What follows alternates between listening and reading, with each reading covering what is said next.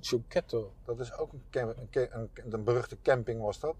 Daar stond heel Rotterdam. Nou, dat kan niet, want er zijn 60. Hoeveel mensen? Nee, maar hier stonden alleen maar Rotterdammers. Oh, je mocht alleen maar Ja. Rotterdammers. Nou, mochten niet, maar dat was zo. Oké. Je zit nu allemaal eh, naar Het tv is te kijken. allemaal, eh, allemaal veranderd. Ik vind het wel leuk om hier weer een keer te komen. Vroeger kwam ik hier ook veel met de taxi. Maar dat is wat ik tegen jou al zei. Eh, als wij een, een reisprogramma gaan maken, dus als wij zeggen we gaan eh, podcast gemist on the road, dan kan je deze opname over tien jaar bekijken en dan zie je dat de dingen weer veranderd zijn. We hebben nu ontdekt dat dat de schietbaan er niet is en straks eh, ga je kijken, bestaat misschien die camping er over tien jaar niet meer. nee Dus dat, dat is leuk dat je reisprogramma's maakt.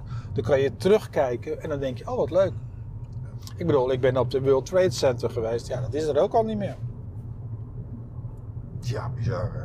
Ik bedoel, wie had gedacht dat de World Trade Center, waar ik toen, toen ik was ik in New York, denk ja, dan ga je toch even in het World Trade Center. Eh, en dat het een gebouw er niet meer staat. Ja. En dat is met meer dingen. Je denkt van, nou, dat is voor altijd. Nee. Er wordt aardig gebouwd hier, zie ik. Hier, eh, ja, dat was vroeger allemaal poldergebied. Ja, dat bedoel ik.